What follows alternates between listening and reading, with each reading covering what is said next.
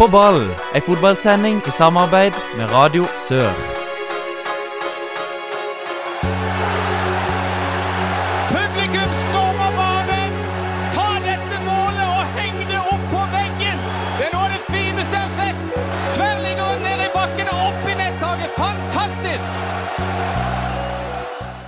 Hjertelig velkommen til en ny sending med På ball. Mitt navn er Håkon Kile, og den neste timen så blir det fotballsnakk her på Radio Sør. I dag så skal vi snakke om eh, startmode Kongsvinger, vi skal snakke litt om favorittklubber. Eh, vi skal se litt på hva som gikk galt for eh, ja, det norske kvinnelandslaget. Og vi skal se fram mot neste runde i Obos-ligaen. I studio så eh, er det i dag Radio Sør-duoen Glenn Fonnesen og Alfoto Fagermo som, som er på plass. Ja, velkommen, gutter. Takk. Takk. Ja, Hvordan eh, endte dere egentlig opp eh, i Radio Sør, Glenn? Ligge lavt, ta sjansen når den byr seg, og satse på flaks. Mm. Ja, hvordan kom den sjansen? Den sjansen kom gjennom at vi eh, i gamle Radio Ung-dager Dette her er da før 2005.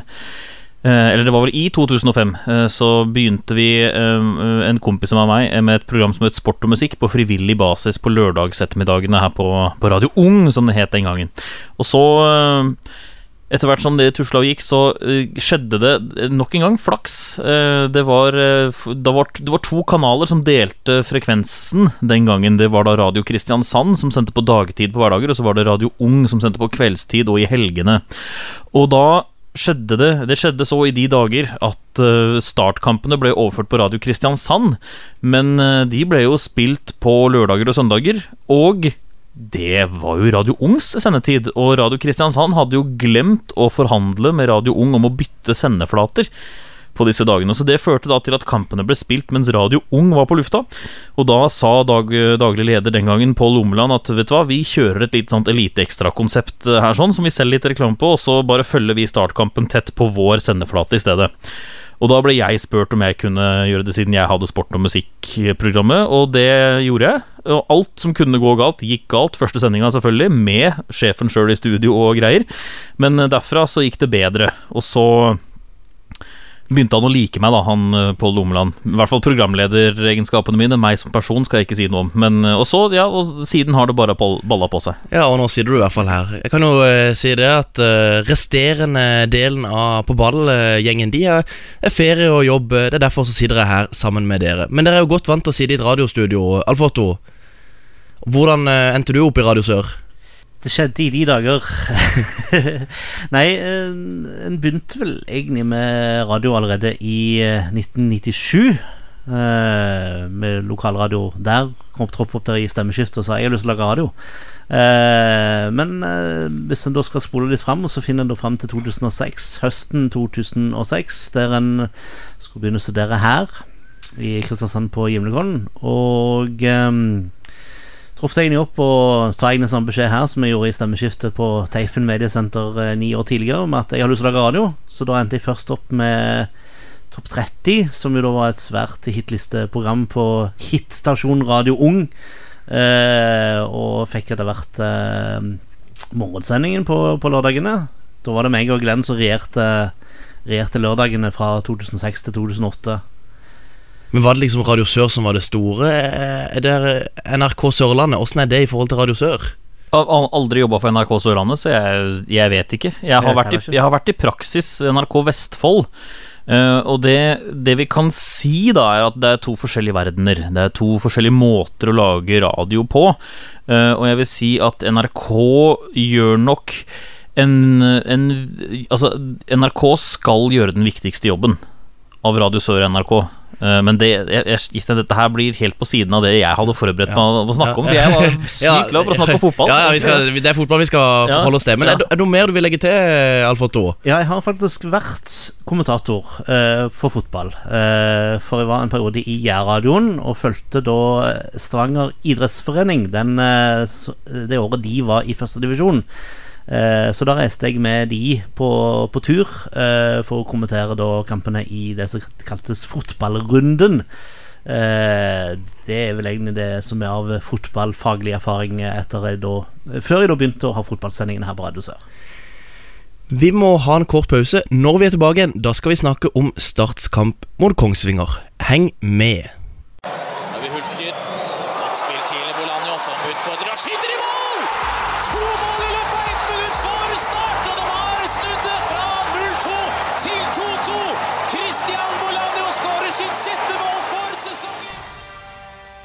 På eh, søndag som var, så spilte altså Start hjemme mot Kongsvinger. Eh, En fryktelig førsteomgang, eh, syns nå i hvert fall jeg. Hva, hva tenker dere? Jeg syns det var Det var Jeg satt jo i kommentatorboksen sammen med en uvanlig gretten Kjetil Norhus. Jeg skulle ønske du var her i dag, Kjetil, men jeg skjønner at ting kommer brått på alt mulig. Men eh, han stussa sjøl over egentlig hvor gretten han var etter den første omgangen. Og han lurte på om det kan ha vært noe med at han hadde vondt et sted og hadde knaska smertestillende og alt mulig. Men det var det var noe veldig sånn uforløst, ja, og det var, eh, det var Kongsvinger som igjen var best eh, av disse to lagene gjennom førsteomgangen.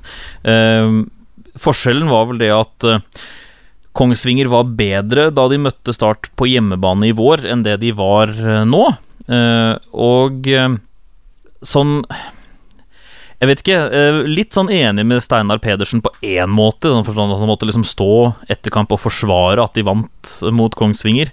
For ja, ja, det gikk jo bra til slutt. Men samtidig så tenker jeg det er Det er eh, Det er ikke bra nok det vi så den første timen. Syns jeg. Nei, Altså Den første timen syns jeg var eh, Synes jeg ikke holdt det nivået vi, vi ønsker, og som Start liksom har gått ut med at de skal rykke opp, og det er ikke snakk om. Og da, må, da, da, da slipper man heldigvis litt unna denne gangen her, da. Altså, Um, det, var, virker helt, det var helt komisk, nesten. Altså, Antvi i offside tre ganger de første 11-12 minuttene, var det vel? Jeg syns det var enda mer komisk den offside-situasjonen med eh, Ibrahim. Der eh, Sernikov forserer fremover og har Ja. gjort et kjempefint dribbleride. Og, eh, og han ligger helt ute på venstresida, bare vinker og vinker, ligger konstant to meter i offside. Bruk meg, bruk meg, bruk meg. Og så blir han forbanna fordi Sernikov må gå seg bort. Og når han sjøl ligger i flere meter offside. Ja, så syns Ja. jeg, det er- det synes jeg det var festlig. Helt enig. helt enig Alf Otto, eh, du satt her i Radio Sør-studio. Det gjorde jeg, så jeg fikk ikke um, Så jeg fikk ikke sett kampen. Jeg fikk bare hørt kampen formidlet uh, av uh, da uh, herrene i, i kommentatorboksen. Og inntrykket jeg fikk, var jo, var jo nettopp det at um, førsteomgangen den var elendig. Den var egentlig det en dessverre har måttet forvente å, å høre rapportert om Start ved flere anledninger, om at det tar litt tid før de kommer i gang. Eh, og det var rett og slett bare komisk eh, med, med offside-situasjonen, og det kan nesten virke som at eh, de må få litt offside-trening, kanskje, på, på, på treningene. Altså, de må bruke den dronen til å kunne filme litt bedre de gangene det er offside. Ja, det er ganske moro. Alfoto har jo også vært på noen starttreninger i løpet av denne sesongen. Da det, en av de få gangene jeg har rukket å være innom, så var jo så gikk vi jo inn en inngang som er på en måte ut på gateplan ved, ved Karstens plass der. øh, Og øh, da kommer liksom Øyvind Evjen, da, som er øh, sånn oppmann materialforvalter-type sånn, i støtteapparatet, kan vi si det sånn. Som kommer løpende og sier «Du, dere burde egentlig ikke gå inn den inngangen der sånn, fordi varselsplakaten om at jeg kjører drone, de henger på den døra der borte. Så hvis dere, må gå inn den døra der, og så snakker jeg med Roy Emanuelsen, som er pressesjef etterpå. og Sånn, Nei, men det er jo den døra du skal bruke, den du brukte. Så det er, liksom- så mm, Men ja, øh, han, er, han, han virker ganske fornøyd når han er ute og kjører de dronene, øh, Øyvind Evjen. Øh, Så litt mer 11 mot 11, kanskje, og litt analyse av offside-reglement og den slags. Uansett, eh, Start hever seg jo eh, i andre omgang, og de, de snur kampen. Eh, Sernikov og Antvi som kommer inn eh, Nei, eh, Abu som kommer inn. Men Abu er jo ikke noe spiss, Nei. føler jeg. Han er jo mer en kanttype. Så Start snur på en måte kampen uten en ren spiss, går det an å si? Jeg ble veldig overraska da de faktisk tok av eh, for Toren. Eh, Jeg hadde, når, hvis byttene skulle gjøres, så tenkte jeg at de skyver han inn på topp. Men, eh, men de trengte da tydeligvis en fyr som var litt mobil da, på topp. Og når, om Antvi er jo vanligvis det, men det funka ikke helt for den den gangen her. Sånn Litt skuffende, kanskje, for dette burde kanskje da vært den kampen som Antvi skulle skinnet, skint litt, med løpskapasitet og pressledd og alt mulig, og Kongsvinger som skal spille veldig opp bakfra. og ja, være litt inspirert av kanskje ting som skjer litt nord for der vi sitter nå, inne på Vennesla. Men, eh, men eh, eh, jeg syns det er vanskelig på en annen måte å være altfor streng med, med Dennis Anti, for han har tross alt putta noen mål. Han burde kanskje putta flere, men så er det sånn å skape jo ikke Start et flust av målsjanser heller. De er stort sett ganske effektive. Det er i hvert fall det inntrykket jeg har sittet igjen med etter denne sesongen her. At de har ikke svidd av så veldig mange muligheter. Ja, så skaper de liksom litt på dødball òg. Så slår frispark på panna vel til Ropstad. Og det er 1-1, Mm. men så Endelig, da, for ja. Henrik Ropstad. Endelig. Han ble jo frarøvet sitt første, første mål der hvor denne hjemmekampen mot eh, Hvem var det? Nå husker jeg ikke det sånn i farta. Var ikke det 4-0-kampen mot Åsane? Nei, det var etter det, tror jeg. Det var en kamp hvor Start ikke vant. Det var, det, som, eh, det, var det, som, eh, det, var det som slo meg. Men samme det. Eh, Ja. det, var, det var bittert for han. Ja, også, Feilaktig offside. Nei, det var ikke offside, det var noe obstruksjon eller et eller annet inni feltet. Riktig. Men ja. rett etterpå, fra en voksbygd gutt til en annen voksbygd eh, gutt, Sernikov til Børufsen, og Start vinner kampen 2-1. Mm. Og eh, nå er de jo um, forbi Ranheim, vel på Ja, de er forbi Ranheim oppe på andreplass på tabellen. Så eh, det må de jo Start kunne ta med seg. Ja, da, og det, det er jo der de må være. Eh, og så kan vi jo selvfølgelig regne med at på den, dette tidspunktet her av sesongen Vi har ikke kommet inn i innspurten ennå, så vil det være andre lag som følger.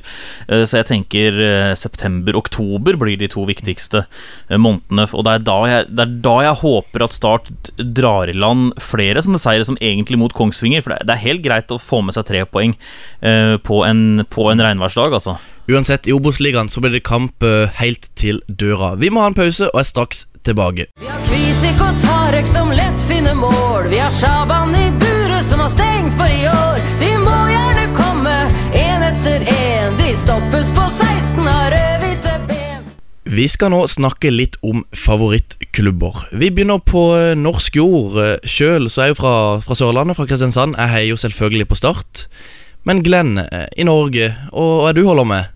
Jeg har jo to, eh, to klubber. Altså, la meg bare si det. Når man har jobba tett på en klubb, som jeg har jobba med Start nå i, i noen år, så blir man veldig glad i den klubben når man ønsker den klubben alt godt. Så på mange måter så er jeg nok en slags Start-fan. Eh, Men så er det jo sånn da at eh, jeg har jo levd flest år på den andre siden av, av livet, altså før startjobbinga mi så var det jo to klubber som uh, fulgte mitt hjerte. Den ene klubben var atskillig lettere å følge enn den andre. Eh, for det første så var det slik at eh, den, den ene klubben var i Tippeligaen og tok, serie, tok et seriegull og et cupgull og noen medaljer og greier under en tidligere starttrener, mens eh, mens eh, den andre klubben jeg hadde, ble absorbert av naboklubben en periode, før det nå, nå for ikke så lenge siden faktisk ble skilt ut igjen i en egen, eh, et eget A-lagssatsingssak, så vidt jeg har fått med meg historien. Uh, Og nå er de på sosiale medier i tillegg, så nå er det god stemning. Bjerke idrettslag heter de. Bjerke IL fotball. Det er bare å gå inn og følge. De er aktive på sosiale medier, legger ut videoer, kamprapporter, alt mulig. Og det er en uh, herlig lokal gjeng som, som spiller, og som faktisk eh, Som er litt stolte av å representere bygda igjen. Og så har de Norges flotteste logo og drakter, vil jeg bare si. Det er ikke så ofte du ser det. Rød overdel, blå shorts. Ikke noe visvas og tull. Røde sokker med hvite striper. Det, Hvilk, hvilken eh, divisjon eh, snakker vi her? Oh, jeg vil tro de ligger i femte. Uh, det, har jeg, det er faktisk helt underordna for meg. Jeg syns det bare er gøy at de vinner kamper og sånne ting. Jeg ser andre, De har et andrelag i sjette eller sjuende, så da må jo femtelaget nødvend, nei, førstelaget nødvendigvis da ligge over, og da tipper jeg femtedivisjon. Uten å, uten å For det, mitt kjærlighetsforhold til disse er helt ikke faktaorientert på noe som helst eh, vis. Men eh, det laget som eh, vant litt med medaljer og Ja. cupen og litt sånn, Ja, det, var, det, er jo, det er jo en tidligere starttrener. Før så var det da kommende starttrener Mons Ivar Mjelde. Og da er det selvfølgelig Brann det er snakk om. Jeg har en far fra Bergen, og jeg har uh, Ja, egentlig så har jeg en far fra Bergen og mor fra Fredrikstad, så det er masse fotballinteresse rundt om. Og jeg har en fetter som har bodd lenge på Kongsvinger og vært uh, en slags sånn for redaktør i Glåmdalen og hatt noe med Radio Kongsvinger å gjøre opp igjennom også. Uh, det har vært mye fotball og sport opp igjennom, opp igjennom livet i hele familien, men det blei Brann som trakk det lengste strå fordi bergensere tar litt større plass egentlig enn det Fredrikstad-folk gjør. Ja, Hvordan er det på, ja, på Brann stadion da, kontra Sparebanken Sør Arena? På Brann stadion så er det i hvert fall flere folk. Eh, Det er en større by også, selvfølgelig, men de har slitt med engasjementet der borte, de òg. Det siste jeg husker det var eh, De skrev jo en sak om dette her sånn var det i 2009 eller noe, hvor de var første gang siden 2006 eller et eller annet sånt. Første gang siden da og da at de hadde hatt under 15 000 tilskuere på Brann stadion. Eh, Nå er det blitt en del år siden, det også. Og nå ser man jo det at de, de sliter med engasjementet og oppslutningen. Men så har du da Jeg snakket litt om Erik Hanøy, som er tidligere, har vært tidligere speaker, og som har kommentert en del for fjernsyn og, og den slags. Og han, han, han kommenterte mye for radio også. Han ble veldig fascinert over et konsept de lanserte, som gikk ut på at du betalte for å eie en fast plass inne på Brann stadion. Du betalte for å eie plassen. Da fulgte det ikke med partout-kort, som de sier her borte, altså sesongkort. Det måtte du kjøpe i tillegg. Men det viser seg at folk har da kjøpt disse plassene og betaler for de jevnlig, bare for å ha plassen i tilfelle Brann kommer eh, i, i si, engasjementet tar seg opp og sånne ting. Så de, de har da betalt i dyre dommer for å reservere disse plassene. Om det er sånn i år, det vet jeg ikke, men det har i hvert fall vært sånn en årrekke på Brann stadion. Eh, Så det, det, det sier jo litt om at man, man har i hvert fall et ønske og et håp om at det, det skal skje, og at folk tar utgangspunkt i at det vil skje før eller siden. Er det, er det noe som kunne fungert på Sparebanken Sør Arena? Det kan jeg aldri tenke meg. Det kan jeg aldri tenke meg. Men eh, Det var, altså, det var ingen som trodde egentlig Altså Av de som ikke satt i styret i Sportsklubben Brann, som trodde at dette her kom til å fungere, men det funka visst da, på, til en viss grad. Men vi må litt videre. Ut ifra dialekta å dømme, så tror jeg ikke at du er noen Brann-supporter, Alf Otto. Nei. For å ta med litt fakta om Bjerke IL. De eh, ligger øverst i sjette divisjon. Det var Eh, sjette, ja. Mm. Med sju seire, fire uavgjort og ingen tap så langt eh, denne sesongen. 25 poeng. Mm. Så de ligger godt an til opprykk. Eh, andre laget er i sjuende divisjon. Da, da har vi det riktig. Jeg var bare litt, divisjonene går litt sånn i surr. Jeg var litt usikker på om andre laget lå i sjette. skjønner du For jeg har nemlig spilt for Bjerke 3 Ja, i sin tid, og vi fikk lov til å holde på i sjuende divisjon. ja, ja. Og da lå da andre laget i sjette, og så ja Og så videre oppover. ja nei ehm, Jeg er, er jo da ifra, mm, ifra Rogalandsdistriktet Rære, eh, som, eh, Som vi sier her nede. ja. Ræ, ræ, Ja. Mm. Og vokste egentlig opp med en far som, som likte Bryne, av alle ting, og en mor som likte Viking. Eh, og da klart da var det en intern konkurranse mellom de to da, opp gjennom året på hvilket lag en skulle heie mest på.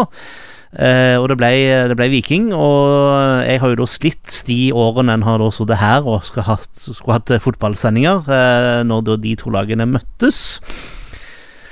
Fordi da skal en da sitte på radioen og heie på Start, mens en skal da sitte av lufta og heie på eh, på de blå. Men jeg har jo også fått et samme forhold til Start nå etter å ha holdt på noen år med Start, at en har blitt glad i klubben, og vil, eh, vil selvfølgelig alt godt. Og syns jo det er veldig greit de gangene det da ender uavgjort mellom eh, Viking og Start.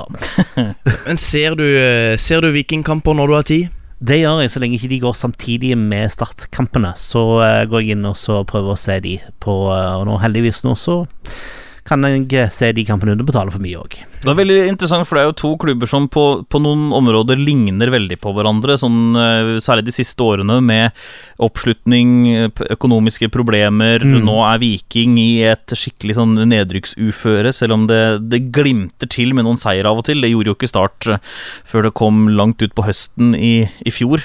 Det Så, så det, er, det blir interessant å se, da. Det kan jo faktisk hende at disse lagene ikke møtes i år, neste sesong heller. Det Nei, kan faktisk hende. Nei, for da kan en risikere at eh, det er Start som går opp, og så er det Viking som går ned.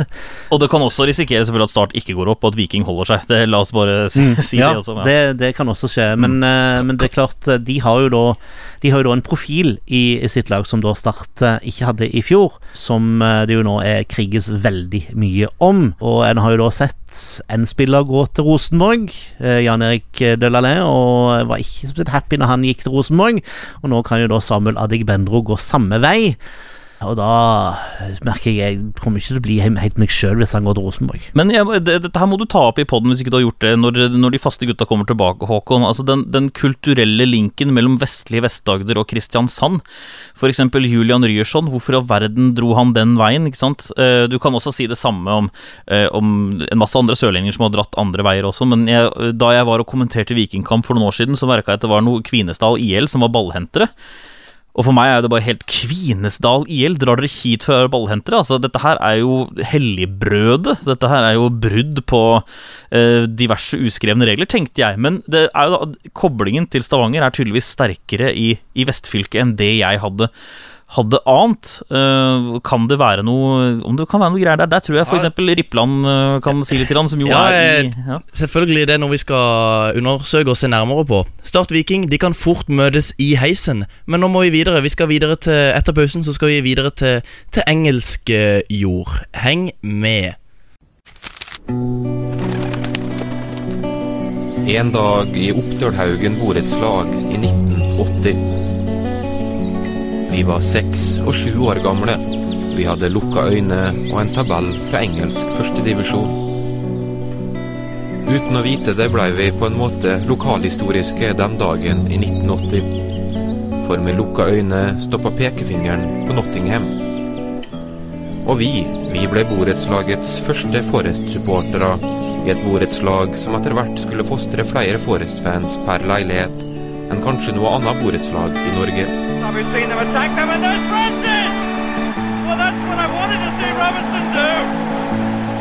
Det gikk en stund før vi fant ut at Forrest nettopp hadde vært best i Europa.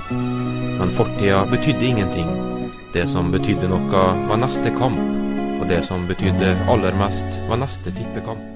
Vi må altså videre til engelsk jord, og jeg lurer litt på hvordan det hele starta. Var det med lukka øyne, en pekefinger og en engelsk tabell, eh, Glenn? Å, nå skal du få en god historie, Håkon. Fordi eh, jeg har to eldre brødre som er ganske De er ti og 12 år eldre enn meg. Og La meg bare si det før dere begynner å tenke hjemme, du som hører på. Sånn, Appeklatt. Det er ikke så kult som det du tror det er. Det er faktisk ganske stress. Jeg måtte arve klær, jeg òg.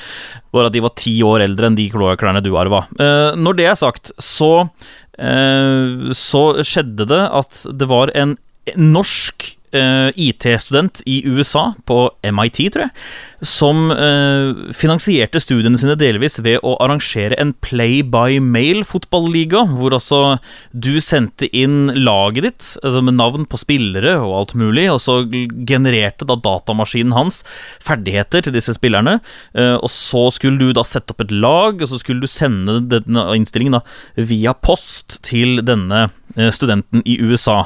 Og så simulerte han kampene, og så kom da resultatet tilbake med kamprapport og alt mulig.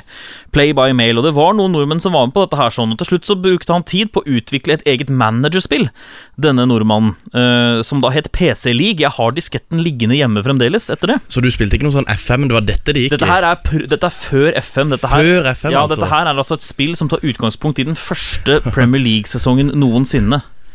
Altså Spillet begynner i 93-94-sesongen, eh, og, eh, og eh, det som da, eh, da, da Det var det engelske ligasystemet. Premier League, første, andre og tredje divisjon, som det het den gangen. Problemet var at når du kom ned i andre divisjon og tredje divisjon, så hadde ikke han så god oversikt over hvilke spillere som var hvor. Eh, Og eh, det resulterte i at han bare til slutt lagde masse spillere, så jeg gikk jo rundt og digga dette laget jeg da etter hvert begynte å trene, uten å kjenne til en eneste spiller på dette laget. Dette laget, som jeg nå skal si ja, hvilket lag? det var eh, i sin Crew Alexandra Football Club var det. Fordi dette laget Jeg, la merke til det. Du måtte se gjennom alle tabellene. Det var sånn veldig sånn enter-spill. Du bare trykka enter, enter, enter, enter til du kom gjennom, og så fikk du se kampen din og sånne ting. Og da eh, la jeg merke til at etter første sesong så lå alltid Crew på toppen. I tredje divisjon og tenkte jeg da skal jeg prøve dette laget. Ingen ekte spillere var det der, men det var, det var kult å være crew, og crew ble da mitt lag. Så sånn begynte det. Eh, og etter hvert så fant jeg ut at da de rykka opp til til ehm, Da de rykka opp fra tredje til andre divisjon, så kom det i hvert fall noen sånne av og til sånne notiser i Aftenposten på sportssiden der som hvordan det hadde gått. Og når de da tillegg rykka opp til første divisjon, altså det som i dag heter championship, så var det jo enkelt. Da kom det jo til og med på, på TV2-sporten og sånne ting av og til. Men, men, men har du sett noen crew-kamper? Ikke i live, nei. Jeg har Nei. vært uh, veldig nære ved det, men uh, da, da min far og jeg sto ved korsveien, hva skal vi velge? Skal vi se Fulham Crew i førstedivisjon, eller skal vi se Arsenal Watford på Highbury? Så blei det sistnevnte. Men åssen er det å følge med på, på TV, radio? Hva, hva er det du går mest i? Du, jeg har, eh, jeg har sett noen crewkamper på norsk fjernsyn, faktisk. De har jo spilt noen cupkamper med noen storhetslag opp igjennom. Eh, og så har de eh, Husker jeg Viasat hadde noen kamper da de lå i, i andredivisjon, altså League One sammen med Leeds, blant annet. Så et par, par kamper der. Men, men det, har vært, det har ikke vært lett å følge det laget før internett. Det var ikke det. Litt av en historie. Alf Otto, øh, holder du med et lag som er litt øh, lettere å følge med på? Ja. Nei, Ja. ingen lag. Ingen lag. Fordi eh, jeg oppdaget vel engelsk fotball litt for seint i forhold til at den var i den alderen der den ble påvirka til å heie på lagene. Du er hjertelig velkommen som crew-supporter. Du blir et bedre menneske av å være crew-supporter enn å være Liverpool, Manchester United, Chelsea, Tottenham, whatever. Men jeg har, men jeg har jo da selvfølgelig vært borti, eh, vært borti eh, at rivaliseringen som jo da fins i, i Premier League med de ulike, ulike klubbene. Men jeg trives egentlig veldig godt med å bare sitte på, på sidelinjen der og kunne se en United kamp uten å glede meg over noe annet enn at det skåres mål. Ja, og Det er kanskje også litt lettere hvis du skal spille en sånn fancy Premier League. Så er det litt lettere å plukke spillere for eh, begge lag. og... Nå er både Alfot og jeg veldig nye for dette fantasy-greiene. Det begynte jeg først med nå, i år, med Eliteserien. Eh, Og det tror jeg er tilfellet med deg også. Men det, eh, nå skal vi opprette en liga her på Radio Sørhuset òg, så da er det bare På Premier League? Ja, Premier League. Åh, så kjære vene. da er Alfotto og Glenn, da er det bare å kaste seg rundt. ja, jeg kommer til å spørre om råd om det etter hvert. Altså. Det. Ja. Men eh, hvorfor, ikke, hvorfor ikke ta i den divisjonen der uh, Torquay for eksempel spiller? Det var et lag jeg la merke til når jeg spilte Torquay, ja. Ja, ikke sant? Ja. det- når jeg spilte Championship Manager Ja. eh, i sin tid. At det var et artig lag. å- Med liksom måltyven Tony Bedaud på slutten av 90-tallet og alt mulig. Dette her er, dette er du for ung til å huske, Håkon. Ja, så for, for dere, så dere legger på nå er det ikke opphelligheter når eh, Liverpool, United, Arsenal, Chelsea, City, Tottenham Når disse lagene spiller. Nei, jeg skal forklare deg hvorfor, hvorfor du blir et bedre menneske av å være crew-supporter enn det å være Liverpool- eller Premier League-lag-supporter. Ja, nå er jeg spent. Ja. Eh, legg merke til hvordan f.eks. norske Liverpool og Manchester United-supportere er mot hverandre. Legg merke til hvor, hvor, hvor små de mennesker altså de, Som menneskelighet så gjør de hverandre så små. De blir at- usle, de blir smålige, de blir, de blir tarvelige folk. Jeg tenker at de tar hverandre kanskje litt useriøst. Ja, også at de, de fornærmer hverandre, forulemper og peker og ler og rekker tunge på Altså som man sa i gamle dager. Um, uh, og uh, så kan man si ja, men dette er jo ironisk. Og så kan man si, ja, men det er ikke helt det, skjønner du. Fordi jeg kjenner mange Liverpool-supportere som jubler like mye for at ManU tapte som at Liverpool vant. Eh, og eh, det samme gjelder Tottenham-supportere også, som jubler nesten like mye for at Arsenal tapte som at Tottenham vant. Eh, og så Det viser jo bare at det er, du blir et dårligere menneske av å heie på disse lagene. Ja, men er ikke, dette, er ikke dette med å krydre hverdagen litt? Ja, men du kan også krydre hverdagen med alt det positive, nemlig å heie på et lag fra de lavere divisjonene, hvor eh, rivaliseringen foregår eh, på et litt annet nivå. Det blir ikke den der smålige greia. Nå gjør vi opp utpå matta her sånn, og hvis det er noe mer vi skal gjøre opp da, så tar vi det på utsida. Sånn sånn vel rivalisering mellom Fløy og Start. Ja, altså, jeg tror også det er mange supportere uh, av lag i de lavere divisjonene som er veldig enige med det du sier her. La meg bare la meg, Ok, du, hva er det du heier på, Håkon? Liverpool. Du heier på Liverpool, ja. Hvis Crew og Manchester United skulle møtes i en cupkamp, hvilket lag heier du på da? Crew. Ja. Uh, skjønner du hvor jeg vil hen? ikke sant? Egentlig så er du crew-supporter. Det er bare ett lag Du må bare kvitte deg med det ene laget som ligger over. Eh, uansett, vi må ha en eh, pause. Vi er straks tilbake. Norges lag, nummer én Rune Almenning Jarstein. Nummer tre Kjetil Wæler. Nummer fem lagkaptein Brede Hangeland. I eh, ukens eh, drømmelag så er det Glenn Fonnesen som skal legge fram sine elleve. Og er det Glenn, er det elleve spillere som du ser veldig opp til? Er det elleve spillere som du har intervjua? Hva får vi her? Den kjedeligste startelveren noensinne. Det er ingen spesiell historie bak dette i det hele tatt. Det er bare reine ferdigheter og legendestatus.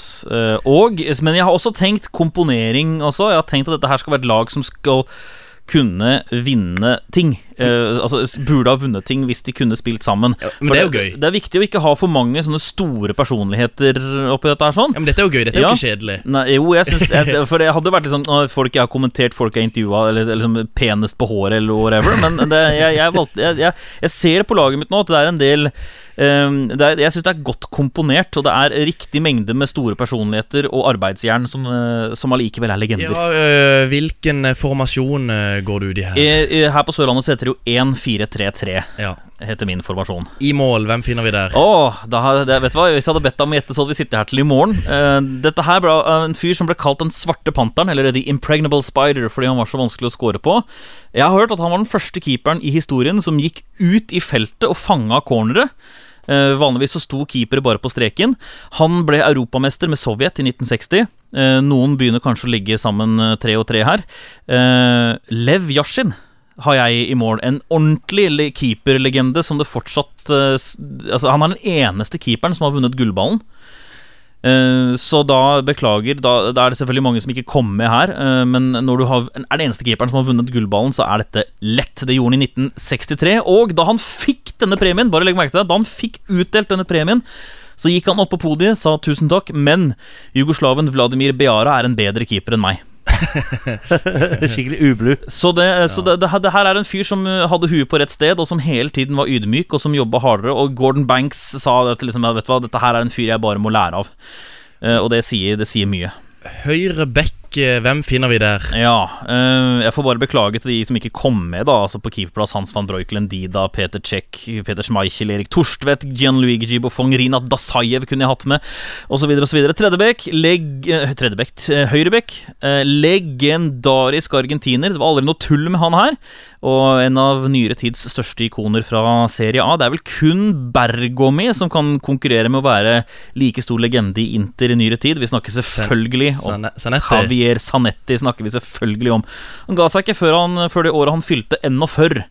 Og da er du ja, Og nok en gang, en, det var ikke noe tull med han. Han tok aldri stor plass. Han var der, gjorde jobben bra hver eneste gang. Han hadde vel en- en- nesten identisk eh, utseende fra han var 20 til han Ja. var 40. Han. Ja, det er, og det, det, det er eh, litt sånn skummelt også. Eh, Ja. Pass på det, jenter. der ute. Det er, noen kan lure dere veldig på, på alderen. Du kan bli en sånn, Håkon. Det ser jeg for deg. Ja. Vi må videre til midtstopperplass. Neste plass. Ja, eh, Midtstopperplass, der har jeg to stykker, selvfølgelig. Og jeg, den første er Paolo Maldini. Trenger jeg å si mer, egentlig? Jeg tenkte kanskje Jørgen Kohler, eller Japp Stam, eller Erik Hoftun, eller eh, Tony Adams, eller Ronald Koman, men det blei Paolo Maldini. Eh, og så, eh, andre midtstopper, så tenkte jeg eh, Dette er jo en mann som vi hadde siklet etter på det norske landslaget i vår tid, når eh, de gutta vi har, ikke klarer å markere skikkelig på dødball. Der var det aldri noe tull med Rune Bratseth. Rune Bratseth og Paolo Maldini er mitt stopperpar. Ja, han var jo sweeper også, han eh, var det vel? Ja da, en veldig anvendelig spiller. Kunne ta med seg ball i fart fremover og ja, skape utryggheter. En moderne stopper før, langt forut for sin tid. Ja, Dette høres jo veldig solid ut. Ja da, venstrebekken er jo kanskje en av de større personlighetene, mer eksentriske, kanskje. Eh, Jeg skulle gjerne hatt plass til Cafu på en av sidebekkplassene, men det, det går ikke når Roberto Carlos skal inn på venstre bekk. Ja, Frisparkkongen. Ingen lag var vel trygge med Roberto Carlos, selv ikke Brasil, eh, når, når, når Carlos var på banen. Tilslag og tempo, det var det vi trengte. Eh, og jeg kunne Jeg hadde egentlig litt lyst til å ha ja, kanskje Puyol, eh, Hierro, kanskje Gjermund Brendesæter til og med, for, som var en av de få klubblegendene på forsvarsplass som, som var igjen uh, inn i moderne tid, men sånn ble det. det. Fireren bak er altså Sanetti og Carlos på bekkene, Maldini og Bratseth sentralt. Ja, Hvor skal dette Det, er jo ja, det blir jo ikke mål på motstanderlaget her. Nei, og særlig ikke når du ser hvem jeg har lagt som anker. Du kan jo tenke at det er mellomrommets far, blir det nå kalt.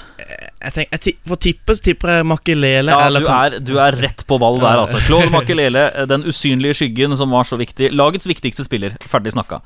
Indreløpere. Her tenker jeg eh, Jeg er litt usikker på om Zinedine Zidane hadde trivdes i rollen som indreløper, men han skal i så fall være mellomromsspilleren av de to.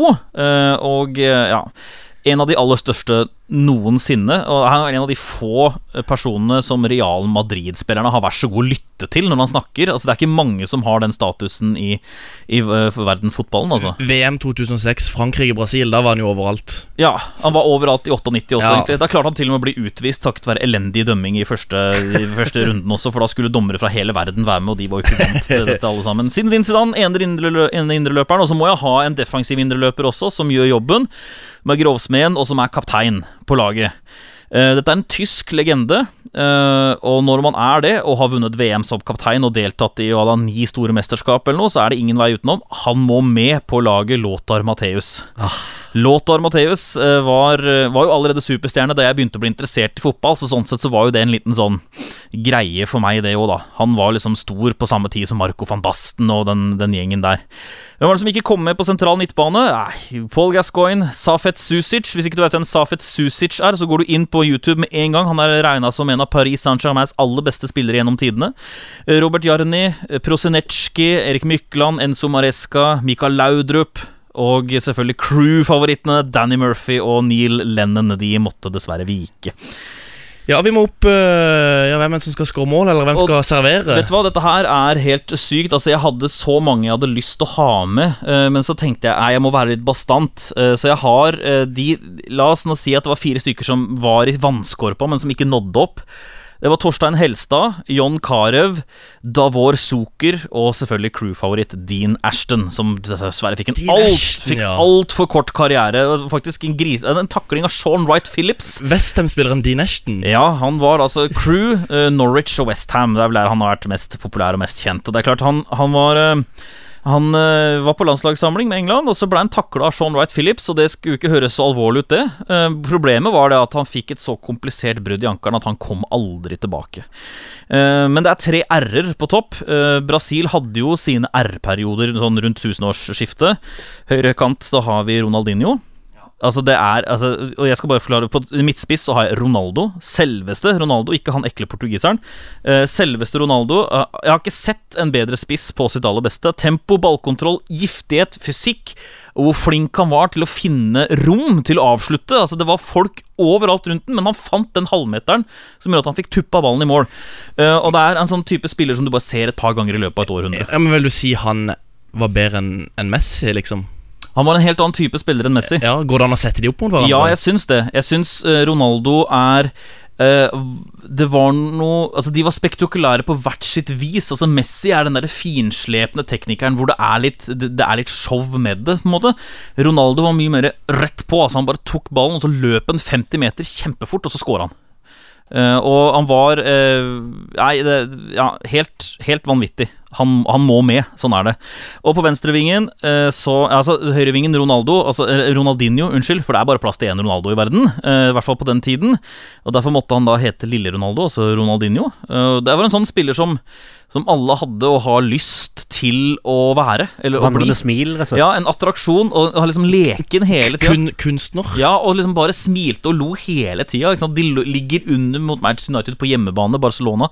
Rivaldo har nettopp bomma på en sjanse aleine med keeper fordi han på død og liv skulle showboate.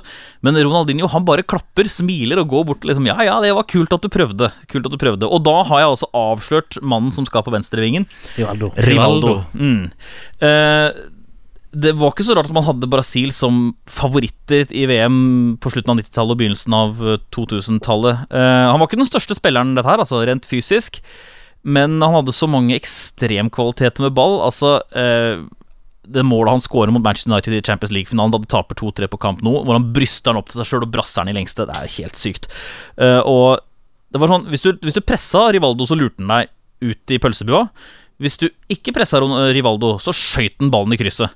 Eh, Så det eh, lot du han skyte, så ble det mål. Og hvis du pressa han, så lurte han deg, og så skøyt han etterpå i stedet. Så jeg, det var en helt, forferdelig spiller å møte, og en, ja, en selvskreven fyr på et Ja, drømmelag. ja, Rivaldo han skåret på langskudd eh, i Champions League eh, 2005 mot, eh, mot Liverpool, han. Når han spilte for Olymp Olympiakos. Ja, Så, så, uh, fikk erfare det. ja, ja, ja, så det er eh, Og dette, dette var jo da han var på, meg, på en måte på litt vei ned også, ikke sant? Han hadde liksom hatt sine storhetsår, uh, men det Klassespiller, og da har vi liksom tre gutter som bare kan gjøre ting der framme, og så har vi en solid sammenskrudd midtbane. Ja, Glenn, Glenn Fornesen, du må lese opp uh, laget. Ja, i mål. Lev Yashin, Sovjet. Høyrebekk, Javier Zanetti, Argentina. Venstrebekk, Roberto Carlos, Brasil. Midtstoppere, Paolo Maldini, Italia. Og Rune Bratseth, Norge. Sittende midtbanespiller, Claude Makelele, Frankrike. Eh, Indreløpere, Lothar Matheus, Tyskland. Og Zinedine Zidane, Frankrike. Topp, eller topptrio. Høyreving, Ronaldinho. Venstreving, Rivaldo. Og midtspiss, Ronaldo. Alle fra Brasil. Hvilken eh, draktfarge ville du prioritert på dette laget her? De skulle hatt Må jeg bare tenke Vet du hva, de hadde sett sykt bra ut i gult og svart. Hadde de faktisk sett bra ut. Gult og svart? Ja, de hadde Ja, sånn- Lev Lev, Nei, veldig da, jeg må, jeg må litt sånn Start, Lillestrøm. ja, ja, eller kanskje, eller kanskje litt mer sånn gult og blått, sånn brasilianske landslagsdrakten. Ja, ja. Lev, Lev, og Lev Yashin i helt svart keeperdrakt. Lev Yashin helt svart. Dette laget blir lagt ut på Twitter om ikke lenge. Da kan du eh, skrive det ut, henge det opp på veggen hvis du måtte ønske det. Vi må ha en pause og er straks tilbake. Altså, der, jeg syns vi mangler litt lite eh, intensitet. At vi, vi, vi, er litt vi er der, men vi er ikke der. Altså, vi, vi er der, men vi er ikke der. Altså, vi, I uh, ukens Der, men ikke der, så skal vi se på det norske kvinnelandslaget som uh, ja, dro rett ut av EM med null poeng og minus fire i målforskjell. Så dere noe av EM for kvinner? Jeg har sett noen høydepunktskavalkader, det har jeg gjort. Eh, og har ikke blitt nevneverdig imponert over det som har blitt eh, fremvist av, eh, av det norske kvinnelandslaget. Eh, jeg syns f.eks. den kampen mot Belgia, hvor liksom ting skulle snu, og Norge skulle liksom sette skapet på plass og komme à jour igjen, til en viss grad. bar preg av at det Det var vi ikke gode nok til. Jeg synes det var det, De baklengsmålene som kommer der, sånn, er ganske pinlige, ganske vonde å se på, egentlig. Eh, og det, det er jo godt å høre at, at laget sjøl var så kvasse med seg sjøl etter den, etter den begredelige innsatsen de hadde. Men jeg syns det, det blir litt rart når de før EM går ut og kjefter på media og folk om at interessen er lav, hvorfor er det ingen som heier på oss, hvorfor er det ingen som gjør det? Og så viser det seg at folk, folk gjør jo det, og interessen er eh, ok, faktisk. Eh, Den er ikke på langt nær det samme som for herrelandslaget, men jeg tror det, det er i ferd med å endre seg litt. Eh, og så leverer de dette. Det syns jeg blir Ja. helt eh, da, da, Ja. da faller det helt på steingrunn. Ja, kan, kan si, er det keepertabber som fører til målene, eller hva, er det for noe? Jeg syns det er svakt keeperspill, i hvert fall, i hvert fall de i Belgia Det er de jeg har sett mest på, denne Belgia-Norge-kampen. Og da syns jeg det er, svagt, det er veldig svakt forsvarsspill. Det er jo tellefeil og et innkast som får lov til å sprette inn i boksen. Sånn. det er jo helt hinsides. Har, har du sett noe på EM for kvinner, Alfoto? Nei, jeg har ikke sett, eh, sett eh, det, men det føles likevel med overskriftene og alt en har lest, at en har vel egentlig ikke gjort glipp av så veldig mye. Men siden du ikke ser er det, ja, Bryr du deg ikke noe om det er EM, og våre norske kvinner er Altså, du kan si, du kan si jeg, jeg hadde nok sikkert fulgt med på det hvis de hadde kommet lenger i, eh, i mesterskap. For jeg pleier egentlig å være litt sånn òg med, med mange sånne mesterskap, at de innledende kampene er egentlig, egentlig ikke så spennende. Det, Ja, det, det, det er mye mer spennende når de kommer, til kvartfinale, kommer til semifinale og ikke minst, ikke minst finalen. Ja, jeg, jeg er kanskje litt uenig. Jeg syns andre og tredje gruppespillsrunde er de morsomste, egentlig. For det er, da, det er da lag må begynne å risikere ting. Særlig hvis de har tapt første kampen, så må de begynne å risikere litt mer. Men, Men, det, ja. men, det, men det jeg har lagt merke til, er jo da, er jo da det, det Det jeg har fått med meg av og ikke sett noe, da er jo da, er jo da kritikken som har kommet mot landslagstreneren eh, Sjøgren, der han da har eh, vært litt, tydeligvis litt usikker på hvordan han skulle legge opp dette landslaget. Han har rokert veldig mye på spillere og eh, og prestert og satt, satt spillere i forskjellige posisjoner som ikke skal. Og hva han sa de, Det har ingenting å si hvilken posisjon du spiller i den klubben du er i. Du spiller i den posisjonen jeg setter deg i på mitt lag, sa han på en sånn pressekonferanse. Og det kan jo da bety at selv om du har vært keeper i, i klubblaget ditt Hvis du tar den langt ut, ja. ja. hvis, du, hvis du spiller midtbanespiller, så spiller du midtbane. Ja, nei, jeg ser også en, en, tweet jeg fant her av Tottenham-supporteren Espen Lindland. Hvis verdens beste mannlige fotballspiller hadde spilt for Nor Norges herrer, ville han ha klart å utrette masse til tross for svake medspillere. Hva tenker vi om uh, Ada Hegerberg? Burde hun Mhm. fått utretta mer? Ettersom at hun ble kåret eh, beste kvinnelige spilleren i, i sesongen som var. Jeg kan jo øh, Jeg kan Jeg syns det er veldig vanskelig å svare på det spørsmålet, fordi øh, Fordi jeg, jeg, jeg Hadde du spurt meg før fotball-EM for herrer, så hadde jeg kanskje vært litt mer skråsikker i min sak. Men øh, Fordi da, da hadde jeg liksom Se på Cristiano Ronaldo. Ikke sant? Hva får han til når han ikke har et stjernegalleri rundt seg? Jo, det er liksom så som så. Eh, men så gikk jo Portugal hen og vant EM uten Ronaldo mesteparten av tida, så jeg kan liksom ikke bruke det argumentet eh, mot ham lenger. Eh, samtidig så så syns jeg det er noe med den Altså, de, de som vinner gullballen og sånne ting i våre tider, de har også et helt apparat rundt seg som er av en helt annen størrelsesorden enn det vi kan fatte. Altså, det å ha for, Savi og Iniesta bak seg, da, da blir Messi mye bedre enn hvis han har Knutsen og Ludvigsen. Altså, bare for å ta lemfeldige norske navn her. Altså, det er, det, jeg syns det er vanskelig å svare på.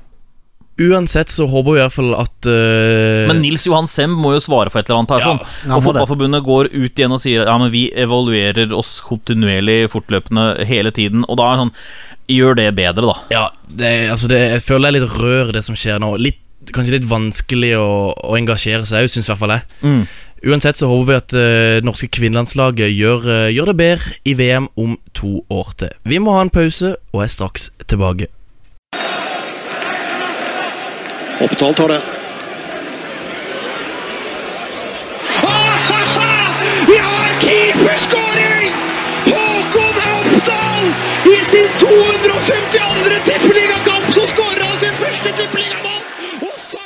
Vi må snakke litt om eh, runder som kommer i Obos-ligaen. eh, til søndag som kommer. Sandnes Ulf mot Start klokka tre. Ja, er det vinneren der som eh, ender opp uh, å rykke opp sammen med Bodø-Glimt? Eller er det litt tidlig å spå? Uh, jeg tror uh, Jeg tror ikke det er krise hvis Start taper denne kampen her. Jeg tror ikke det. Jeg tror samtidig det ikke er krise i Sandnes Ulf hvis de taper denne kampen her heller. Men eh, jeg eh, jeg ser helt klart at dette er en sånn klassisk sekspoengskamp, og jeg ser også for meg at dette her fisler av sted til å bli en uavgjort. Det er 1-1 eller 0-0 eller noe som lagene kan leve med, begge to. Eh, og så er det da mm, spennende å se hva Ranheim og Tromsdalen finner på. Altså Nå ligger jo Ranheim og Tromsdalen på henholdsvis fjerde- og femteplass bak de nevnte lagene, Bodø-Glimt, Start og Sandnes Ulf. Så det er klart, hvis Ranheim tar med seg eh, tre poeng derfra, og det blir uavgjort sånn som jeg spår, så er jo de plutselig på direkte opprykk igjen, ikke sant? Tromsdalen må vinne for å øh, etablere en viss form for kontakt. Og Hvis Tromsdalen gjør det, så er det da oppe på 26. Da er de fem poeng bak, øh, bak start av Sandnes Ulf, og da er- begynner det plutselig å, å koke litt på fastlandet i Tromsø-regionen også. Eh, Og så syns jeg det er verdt å merke seg at det, det er ikke én eneste kamp neste runde som er, som er kjedelig og som er uinteressant, for det er det er ting som Altså det er folk som er er lag som er involvert i enten topp eller bunn i stort sett alle kampene. Uh, Ja, Obos-ligaen, Kokos-ligaen, kan vi Ja. kalle den. Mm. Altså, Hvor ofte ville du sett på Elverum-Florø, f.eks.? Men i og med at Elverum ligger der de ligger, og Florø ligger der de ligger, så er det plutselig en veldig interessant fotballkamp. Så det er, ja Men, men eh, hvis vi ser på Sandnes Ulf mot eh, Start Hvis Start spiller sånn som de gjør mot Kongsvinger, kommer Start da til å ta poeng i Sandnes? Tror dere, Alfato eller ja, Glenn? Eh, De var jo heldige som vant hjemme mot Sandnes Ulf. Uh, altså Kjell Rune Selin setter jo de mulighetene ni av ti ganger. Det var den tiende sjansen han bomma på. Det er sånn mot, eh, mot start, blank kasse 16 meter. Så um, Så det er uh, Jeg, jeg, jeg syns det er vanskelig å si. Jeg syns ikke Sandnes Ulf ser så eh, klokkeklare, solide hoteller. Selv om de har fire seire på de siste fem, så hadde de bare én seier på de fem før der igjen. Så det, det er det, Jeg syns det er vanskelig å, å, å si noe, egentlig. Men Start eh, bør de Altså, Antvi bør de starte med Antvi. Det kommer an på hva de velger å gjøre. Ja. Altså 4-3-3. Altså jeg, jeg er enig med Kjetil Norhus når jeg sier at jeg vil se Espen Børufsen som indreløper. Jeg vil se Børufsen inne sentralt. Så Han ble brukt det i 4-5-1-perioden til Mons Ivar Mjelde, eh, og da fungerte det ganske bra. Han har liksom frekvensen. eh, så kanskje Børufsen Sernikov som, eh, som frekke indreløpere, og så kanskje trekker vi bare Gummi ned sentralt, så kjører vi for Toren på topp. Og så har vi Ibrahim og Åse på, på kantene. Ja, det blir veldig eh, spennende å se. Og, og Steinar Pedersen eh, Ja, hva skal vi si om han? Han, han gjør det han må. Ja, og det er liksom ikke noe mer. Jeg føler liksom at en trener skal jo være en slags motivator, en som drar spillerne med seg. Er Steinar helt den typen? Uh, det som har slått meg, at det virker som han kommuniserer på en helt annen måte til spillerne sine enn det han gjør til media. Uh, det husker jeg bare fra den, den, uh, den dokumentaren som Fedrelandsvennen lagde i, altså i forkant av Haugesund-kampen i fjor, da de faktisk endelig vant. Og hvordan han fremstår da så klar og så tydelig og så liksom eh, Nærmest sånn karismatisk overfor spillerne sine. Eh, og så kommer han ut i pressesonen, og så blir det litt sånn dveling, og så tenker han mens han snakker, og så er det liksom Ja, må han liksom dvele og, og vente på at han kommer på formuleringene sine sjøl, ikke sant? Eh, virker det som, da. Det, For oss som står på, på andre siden. det, det er et inntrykk jeg òg har fått. eh, Jeg har jo sett eh, da noen av de treningene i forkant av, eh, av, av kampene, og, og, og oppfattet han som, som veldig, veldig direkte og, kon, og, konkret i tilbakemeldingene og beskjedene han, han gir på treningsfeltet der. Og, og det virker òg der som at han har han har allerede en formening om hvordan laget skal se ut, gjerne bare et par-tre dager før kampen skal spilles. Han vet nesten hva, hva han skal ha. Det er bare noen få posisjoner han er usikker på, men når han da står og snakker med prest etterpå, så er han veldig hemmelighetsfull. Han er veldig, uh, han er veldig redd for å avsløre for mye, kan det virke som, og det gjør at han da bruker lengre tid på å finne formuleringer som gjør at han ikke avslører for mye. Men sånn som eh, Start framstår mot Kongsvinger og sånn, det ser jo litt kjedelig ut. Litt uh, halvhjerta. Det ser, det, ser grå, det ser litt grått ut, ja, det gjør det. Men så skal vi også huske at dette her var et lag som fikk grisebank i Tippeligaen. Og, og liksom, ja, man rykka ned fra Tippeligaen, da skal man være opprykksfavoritt i Obos-ligaen. Jo, det kan man godt si, men hva var det som egentlig bodde i dette laget her, da? Uh, altså, det bodde, det bodde noen ålreite kamper mot slutten av sesongen. Det gjorde det. Borte mot Lillestrøm også var en ålreit uh, sak. Eh, for bare sånn rett fra toppen av huet. Men sånn Man må være litt forsiktig med å forvente for mye av dette laget her, sånn. Eh, og det er andre lag som også gønner knallhardt på for å få den der opprykksplassen bak Bodø-Glimt. Eh, men du ser jo ser litt hva som bor i dette laget her nå. Når- man møter et lag som er litt mer spillende, f.eks. Bodø-Glimt, så kledde det Start veldig bra på Aspmyra, og var jo uheldig som ikke vant den kampen, faktisk. Så det er, eh, jeg tror, jeg tror Obos-ligaen er nok en verre liga for Start å være i nå enn det Eliteserien ville vært. Og jeg tror Eliteserien, eh, hvis Start rykker opp, kommer til å passe de litt bedre. Fordi at, de- fordi at de, de møter lag der som er, som er interessert i, i å kjempe med. Altså de, de fleste lagene som kommer til, til Sør Arena, de fleste lagene som tar imot Start, eh, er veldig kyniske i dette. De vet at eh, De vet at det tar de poeng mot Start, så er det, så er det en veldig Så er det gull verdt. Det er en, det er en stor seier, det er en stor gulrot for de å få besøk av store, store Start med den svære arenaen på besøk til, til, til sitt lille Sitt lille eh, grønne gressmatte med parkeringsplasser på stort sett hele, hele arenaen. Eh, Men vi må uansett eh, litt videre se på de to andre sørlandslagene. Ja. Søndag klokka seks da møter også Arendal Åsane, og så møter mm. Jerv. De skal til Levanger. Ja. Det ser jo Det ser jo lysere ut i start enn hva det gjør i disse to. eh. Ja, og jeg tror Jerv skal få det tøft, ja, i Levanger. Eh, Det er et lag som, eh, som bare det, er så, det er veldig mye fysikk, og det er veldig mye tøft, og det var en ufattelig kjedelig kamp, Levanger, Levanger Start. Eh, Og men, men, der, må, der, må, altså, der må Jerv opp og skape ting. Der ja, men Jerv- Jerv er jo oppe på trygg grunn Og Slipper de Blir de litt mer avslappa og de kan ikke ta de Trygg ikke ta grunn. Det er tre poeng ned til Elverum på direkte nedrykk. Så så Ja. trygg grunn er, er ikke Altså, det, det, det brenner fortsatt under beina der. Altså, altså Ås, jeg vil si Åsane, Kongsvinger, Jerv, Fredrikstad, Elverum og Arendal er fortsatt eh, Jeg kan ta med Ullkisa også. Er fortsatt eh, med i bunnen der nede, selv om det begynner å bli et stykke opp til, til Ullkisa på 20, mens Elverum har, har 13. Eh, Levanger for sin side må jo vinne denne kampen her, sånn for at de må jo ikke, men de bør vinne denne kampen her, sånn skal de, skal de Så nå har de muligheten til å få eh, Mjøndalen litt på avstand. Mjøndalen møter Bodø-Glimt, ikke sant. Så, eh, og så er det Florø, da, som da reiser til, til Elverum. Eh, Ordentlig tjassen tur for det, for det laget der. Så det er liksom ikke lett å komme til noen av de stedene der. Så, det, eh, så det, her, har, her har Levanger en mulighet også til å etablere seg på kvalikplass. Så her skal ikke det, Ja, men jeg ser Jerv er på 13., og så er det Fredrikstad som er på kvalik 14., mm, og så er det Elverum og Arendal. Ja. Så Men det er jevnt der nå. Ja, det er veldig jevnt. Men eh, Arendal de er, jo, de er jo mye mer avhengig av seier. Men de, men de møter da et Åsane som, som jo eh, viser seg å være relativt ustabile. Altså, de, de, de har liksom ikke Det ser ikke ut som de helt har funnet en vinneroppskrift. Eh, Monsignor Melde der, eh, der i Nei, men de slo, altså de, Det virker som de er best mot de gode laga. Altså Ja. de, de rundspilte nesten Bodø-Glimt i begynnelsen av sesongen, og slo de nå Levanger sist etter eh, hva var det, åtte kamper eller noe, uten seier. Så det er klart det, det kan godt hende at de har begynt å finne litt tilbake til ting. Og så er det sikkert noen skadeting og suspensjoner som jeg ikke har oversikt over. For altså, hvem er det som gidder å følge alle disse lagene så tett? Det, liksom- ja, det holder vel med start, vel? Ja. Men eh, verdt å merke seg er jo at sist Arendal eh, møtte Åsane, det var jo da uh, i Bergen, så endte det 2-2 11. juni. Mm. Så det er jo uh, Så de, de er jo sånn sett jevngode, uh, hvis en skal ta, ta ut ifra, ut ifra statistikken lagene Ja, lag for lag. Og det er potensial i Arendal, og de har forsterka seg. Og Det blir veldig spennende å se hva Mathias Andersson får til etter hvert. Det blir mine siste ord. De har, de har jo fått Peter Kovacs. Nå sa jeg nettopp at det ble mine siste ord i den saken, så da, ble, da må jeg stå for det. Ok. Uansett, i Kokosligaen eller Obos-ligaen så, kan- så kan alt skje. Jeg ser på tida at vi rett og slett er ved veis ende. Glenn og Alf Otto, takk for at dere tok dere tid til å være med i studio. Vær så god. Jo, vær så god. Takk skal du ha, Håkon. Jo, eh, takk for at du som lytter hørte på. Minner om at eh, du kan eh, følge oss på Twitter. Der heter vi Påballrs. Vi er også i iTunes og i Soundcloud. Der heter vi På ball.